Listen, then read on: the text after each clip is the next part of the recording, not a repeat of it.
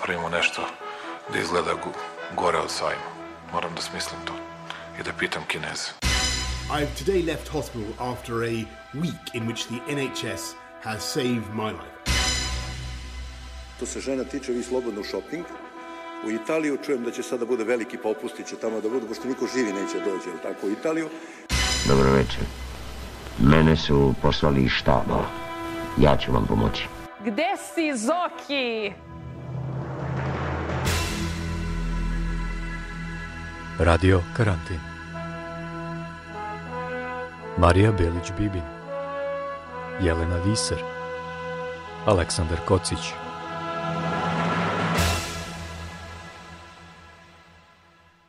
Prvi turisti iz Srbije koji su krenuli na osnovu najava da će 15. juna moći da uđu u Grčku radi letovanja, prvo su bili zaustavljeni na graničnom prelazu Bugarske sa Grčkom, a nakon višesatne diplomatije ipak su pušteni da uđu u Grčku gde su krenuli na odmor.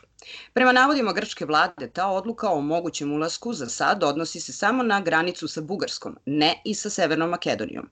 Umeđu vremenu postupaće se po preporuci Evropske komisije da se granice otvore ka Balkanu 1. jula. Dobrodošli u još jednu epizodu Radio Karantin podcasta gde ćemo pričati o turizmu u vreme pandemije koronavirusa.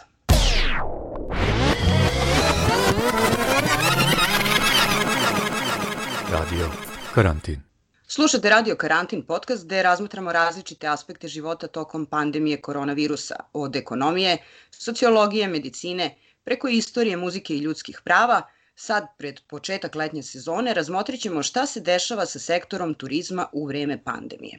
Moje ime je Marija Belić-Bibin i nalazim se u Novom Sadu. Sa mnom je Jelena Viser koja je u Utrehtu. Pozdrav!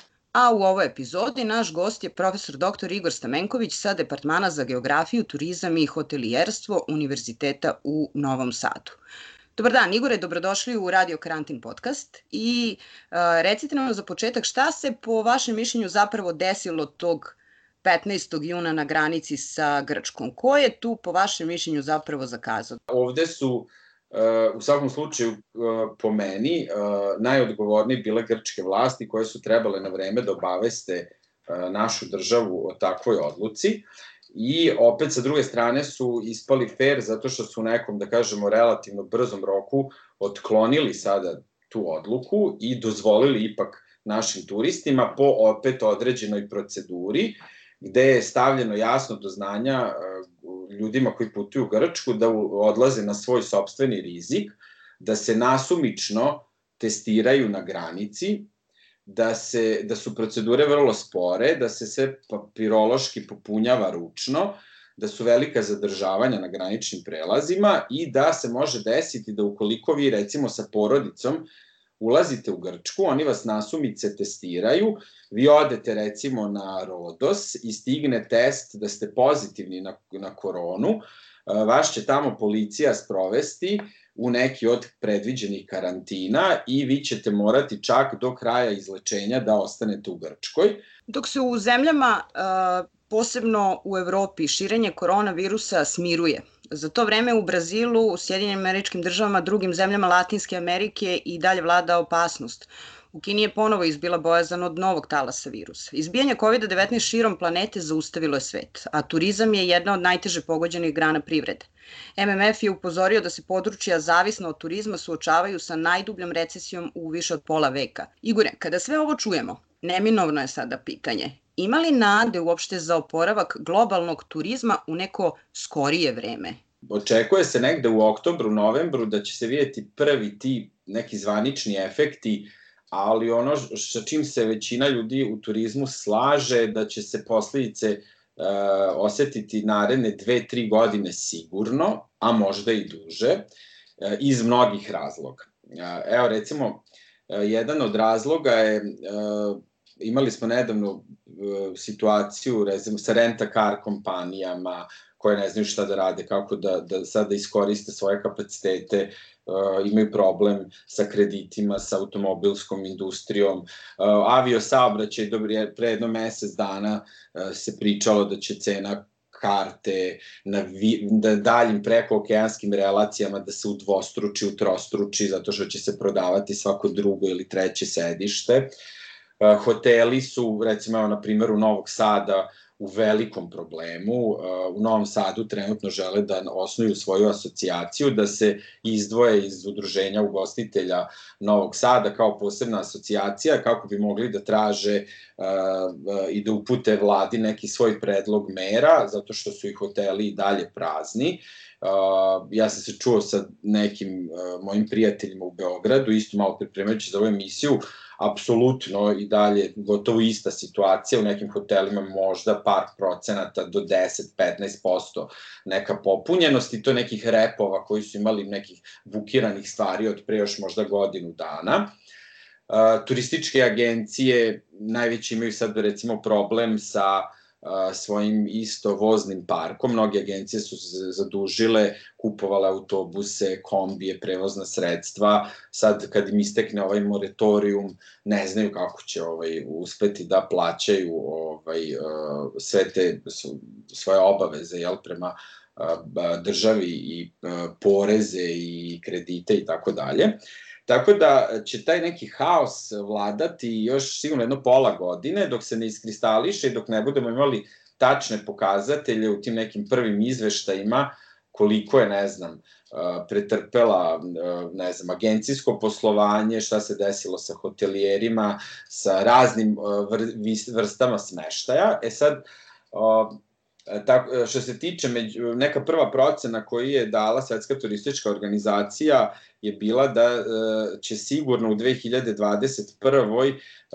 da se da gubici se kreću čak do 30%, a možda i više u odnosu na 2020. Mada kažem još za 2020. ne znamo tačne informacije šta će se od jeseni dešavati. Tu sad opet imamo moment da se najavljuje, ne znam, zatvaranje nekih velikih univerziteta, da će se sve odvijati online, da će se nastava odvijati online, predavanja, i onda ljudi koji se bave turizmom nekako prave odmah paralelu isto sa turizmom, da će to naravno opet da stvori strah kod ljudi i da ovaj, to je jedan veliki taj, da kažemo, sociološki, psihološki moment, da sigurno dobar deo ljudi uh, jedva čekao da se otkloni pandemija da bi se relaksirao, opustio i otišao na neki odmor, a sa druge strane postoji značajan broj korisnika usluga kod kojih je ostao i dalje taj strah uh, i to je isto jedan moment koji ne možemo još uvek da merimo, znaćemo ga negde pred kraj godine, za, za ovu godinu,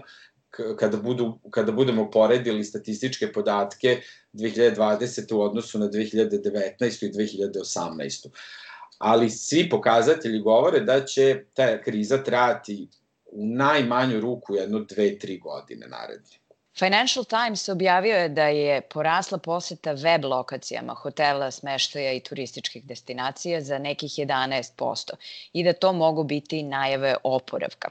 Koje su to države koje mogu da se ipak nadaju nekoj sezoni ovog leta? Da li su to tradicionalne turističke destinacije poput Italije, Grčke i Španije ili će to biti ipak one države gde je bilo najmanje zaraženih koronavirusom? Evo, recimo, krenut ću na primjeru Nemačke. Recimo, Nemačka je tipična turistička sila, vele sila koja ima problem sa domaćim turizmom, zato što Nemci, prvo što u svom posedu imaju da kažemo, velike investicije širom sveta na atraktivnim destinacijama, vlasnici su mnogih hotela, imaju najveće tur operatore i tako dalje. Nemačka recimo do sada kuburila sa tom činjenicom da oko skoro 80% stanovnika odlazi van Nemačke da letuje i da putuje širom sveta. I to je u Nemačkoj stvarao jedan problem razvoja domaćeg turizma, zato što su oni svi odlazili jel, mahom iz svoje zemlje.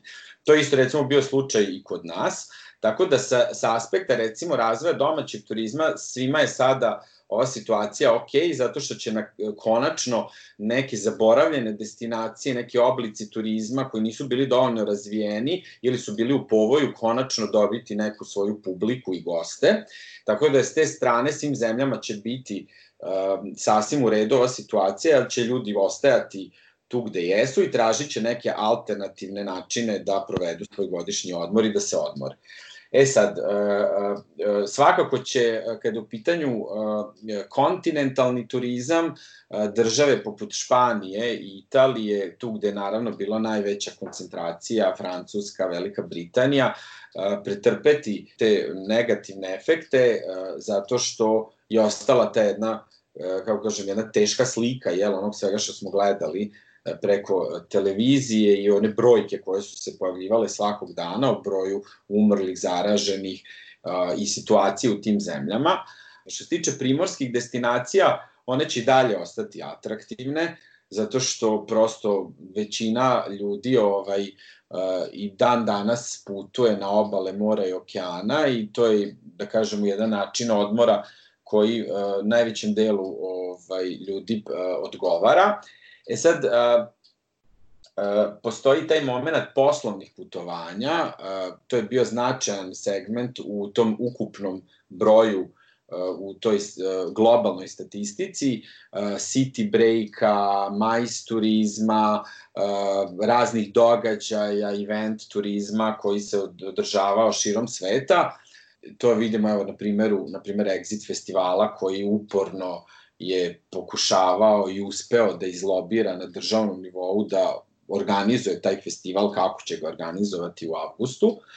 A ovaj, tako da će, e, e, što se tiče poslovnih putovanja, otkazani su e, veliki kongresi, konferencije, samiti, videli smo jeli, sportski događaj, razni kulturni događaj, tako da će s te strane destinacije, opet kažem Francuska, recimo Španija, Italija, koja ima veliki broj muzeja i galerija, atraktivnosti koje su u tom kontinentalnom delu, koje su vezane za arheologiju, za neku istoriju, istoriju umetnosti pretrpeti veliku, veliki gubitak. Tako da ovaj, mislim da će Grčka ostati dalje atraktivna, mislim da će Hrvatska uspeti nekako da se izvuče i sve te primorske zemlje, a ove vele sile koje su bazirale svoju ponudu na, na gradovima, na umetnosti, mislim da će se osetiti znatan pad. Radio karantin. Međunarodna asocijacija za vazdušni saobraćaj ocenila je da će kriza u avio saobraćaju zbog korona, pandemije koronavirusa doneti gubitak od 84 milijarde dolara i da će se ova godina smatrati najgorom godinom u istoriji avionske industrije.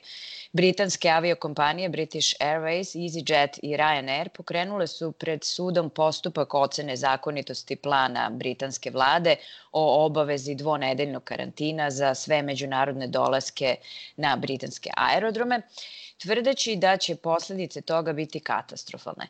Hoćemo li mi ponovo moći da putujemo avionom za male pare? Je li ovo uvod u nestanak low cost aviokompanija i letova koji koštaju desetak dolara ili evra. Ja, ja verujem da će i dalje ovaj, da će opstati low cost kompanije uh, baš zbog te njihove politike i zato što pogotovo će opstati zato što u slučaju propadanja nekih velikih aviokompanija one će biti da kažemo jedina neka alternativa. Što se tiče hotela, da li e, i tih nekih letnjih destinacija ili turističkih destinacija, da li uh, mogu da se prilagode? Informacije u aprilu i maju su bile takve da će mnogi hoteli biti zatvoreni zato što po novim standardima koje će morati da ispunjavaju, a to je recimo da neće biti bufea, da neće biti švedskog stola, da će morati hrana da se uh, služi, da taj razmak koji će biti potreban u, za jednim stolom i da će manji hoteli koji nemaju kapacitet jel, dovoljan biti zatvoreni do daljnjeg zato što prosto ne, jednostavno takvim uslovima neće moći da posluju i onda će samim tim cena smeštaja cena tih usluga jel, skočiti.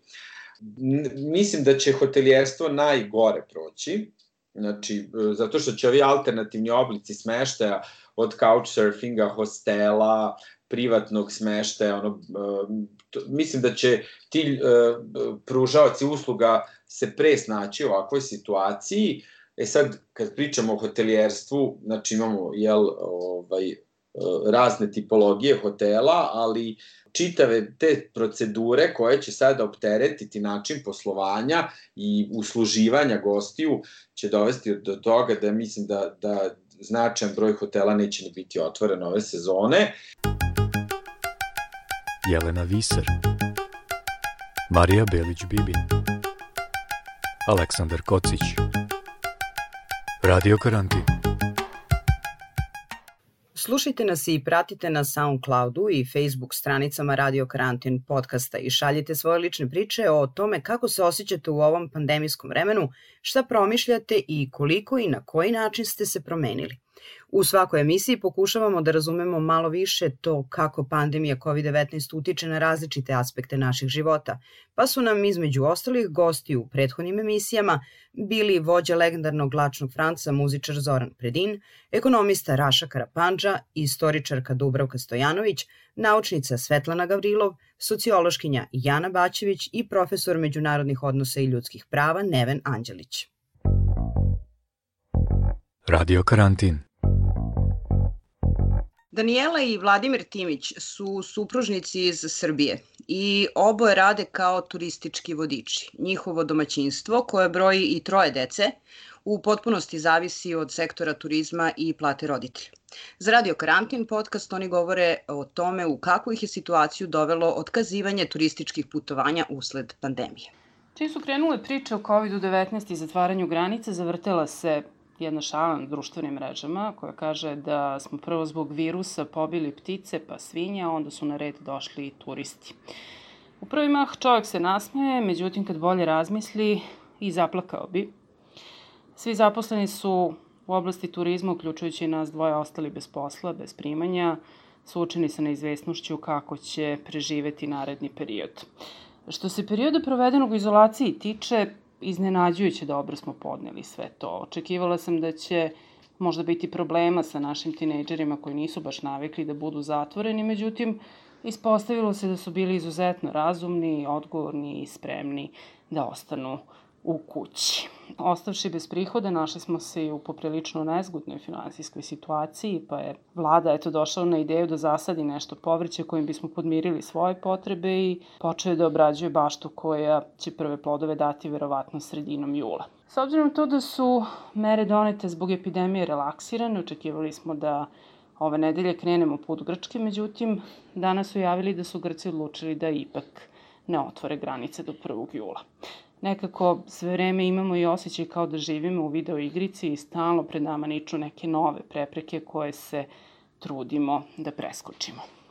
E, kao što reče Dana, mi smo freelanceri koji su čekali tu turističku sezonu i kada je u aprilu trebalo da se, što se kaže, razbijemo od posla i nakon toga da naročito preko leta budemo u Grčkoj, video igrica počela da se dešava. I kako smo počeli da provodimo vreme u karantinu, u stvari kako sam ja u početku, imao sam entuzijazmu, pročitao sam dosta knjiga, brzo čitam, ali posle toga sam nekako izgubio volju za to.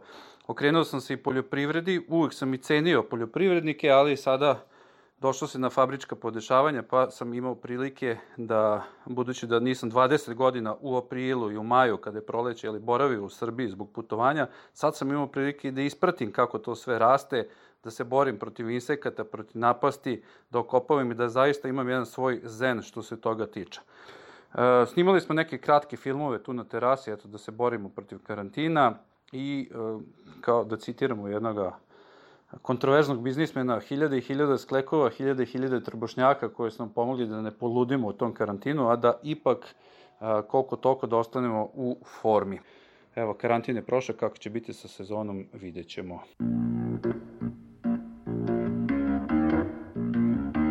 Radio karantin.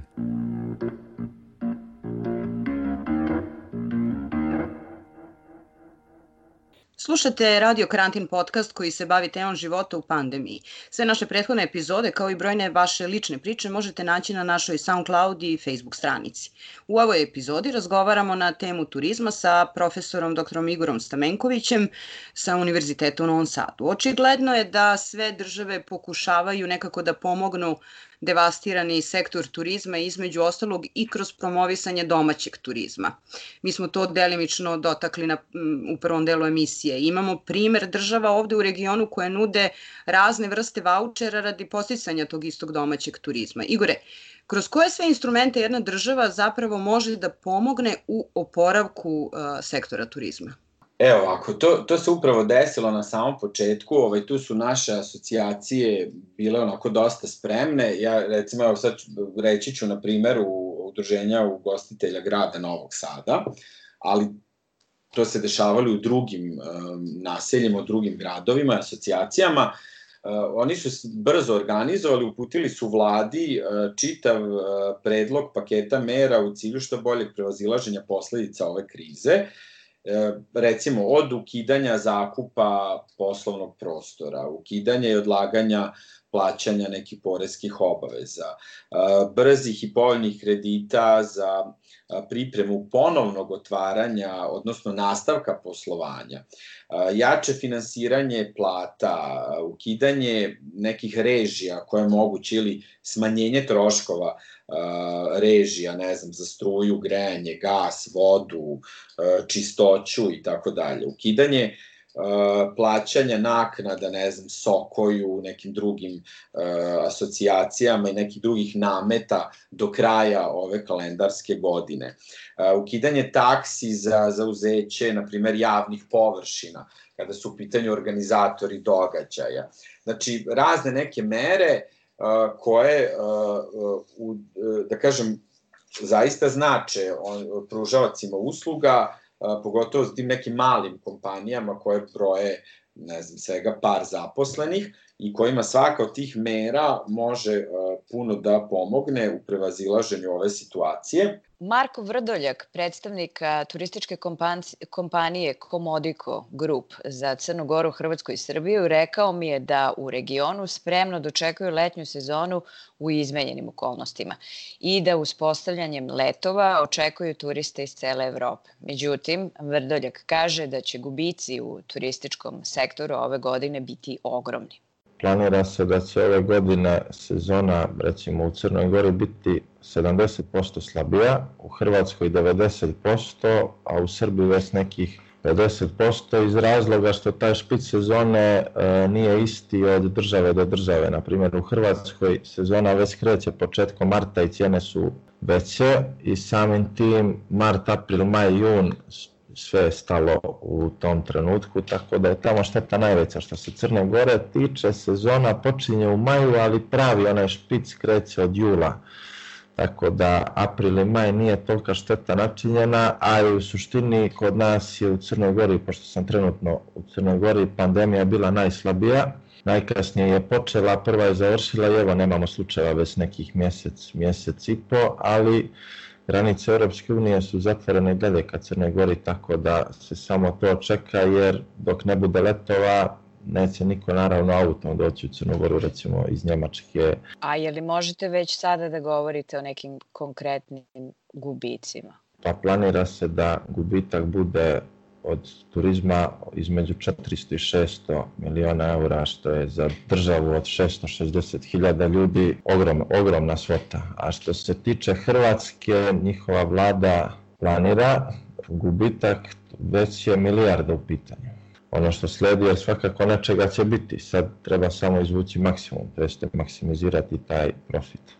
A spomenuli ste malo pre da ne očekujete da će neko iz Nemačke sada voziti ka Crnoj Gori, letova nema. Odakle očekujete turiste uglavnom ove godine? Dok se, čim se uspostave letovi, očekujemo ih iz cijele Evrope kao do sada, osim Rusije. Jer koliko sam čuo, Rusija će biti zatvorena do 1. augusta, a i pričao sam sa prijateljima koji rade u kompaniji Montenegro Airlines, izvjesno je da će 1. augusta krenuti letovo iz Rusije, mada se oni potajno nadaju 15. julu. E, šteta će biti velika iz prostog razloga jer e, su hoteli ti koji plaćaju porez državi, mislim plaćaju privatni smještaj, ali ne u tom iznosu kao što su hoteli. Hoteli su ti koji zapošljavaju radnike, Samim tim propadanjem agencija iz okruženja koji popunjavaju hotele u periodu od marta do maja recimo u Crnoj Gori, ni ti hoteli koji su navikli na te sezone e, da imaju taj početak predsezone, zbog svojih fiksnih troškova mnogima neće biti isplativo samo da rade juli august, za razliku od privatnog smještaja naravno gdje svaki euro je dobrodošao. Vi u jednom hotelu imate ogromne fiksne troškove, kao i, i ako, pogotovo ako je hotel na plaži, zakup, za, zakup plaže i slično. Možete možda i napravite poređenje a, a, između ok, tih a, velikih a, turističkih a, kompanija i malih privatnih vlasnika jednog ili dva smeštaja, jedne, dve smeštene jedinice, u smislu a, štet, u smislu gubitka prihoda? Veliki problem i i kod jednih i kod drugih e, je što su obe strane kreditno zadužene. Sad, velike te agencije, oni dižu veće kredite, dugoročne naravno, dok vlasnici privatnog smještaja takođe dižu kredite, isto dugoročne, jer oni dižu kredite da mogu da pokrpe kompletno poslovanje agencije, dok vlasnici sami grade objekte koji, su, koji se kasnije izdaju. E, samim tim, ako nema priliva od turizma, ti krediti se neće moći tako lako vratiti. A znamo vi ja da su to ogromne cifre i da su to dugoročni krediti, da to nisu krediti e, od par hiljada eura koje vi podignete i vratite za dvije, tri godine, samo da premostite neki period, razumijete, nego su to već krediti gdje vi pravite taj smještaj. Dosta se izgradilo i sad ti krediti se moraju vratiti, a tu će biti najveći problem ako dođe do pucanja tog tržišta, a to tržište bankovno, ono drži bukvalno sve.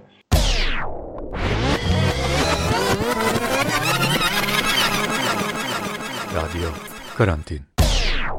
Slušate Radio Karantin podcast gde razgovaramo o uticaju pandemije na turizam sa našim gostom Igorom Stamenkovićem sa Novosadskog univerziteta.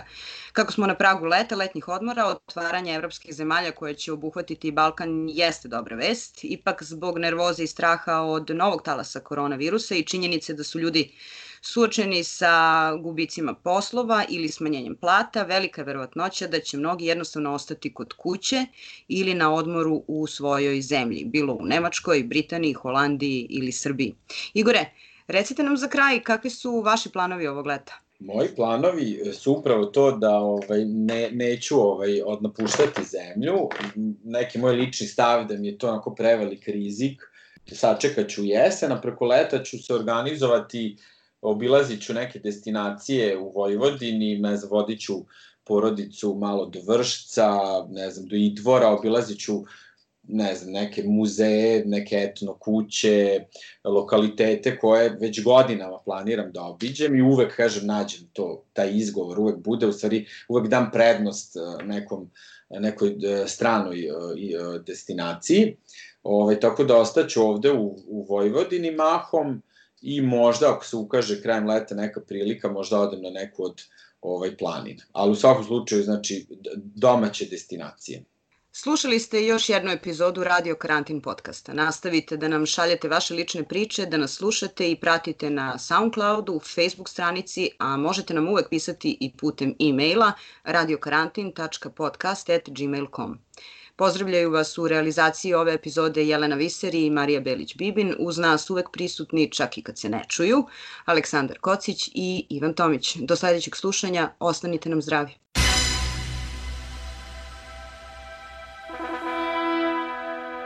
Moramo da napravimo nešto da izgleda gore od sajma. Moram da smislim to i da pitam Kineze. I've today left hospital after a week in which the NHS has saved my life. Što se žena tiče, vi slobodno shopping. U Italiju čujem da će sada bude veliki popusti, će tamo da budu, pošto niko živi neće dođe, ali tako, u Italiju. Dobro večer. Mene su poslali iz štaba. Ja ću vam pomoći. Gde si, Zoki? Radio Karantin Marija Belić-Bibin Jelena Viser Aleksandar Kocić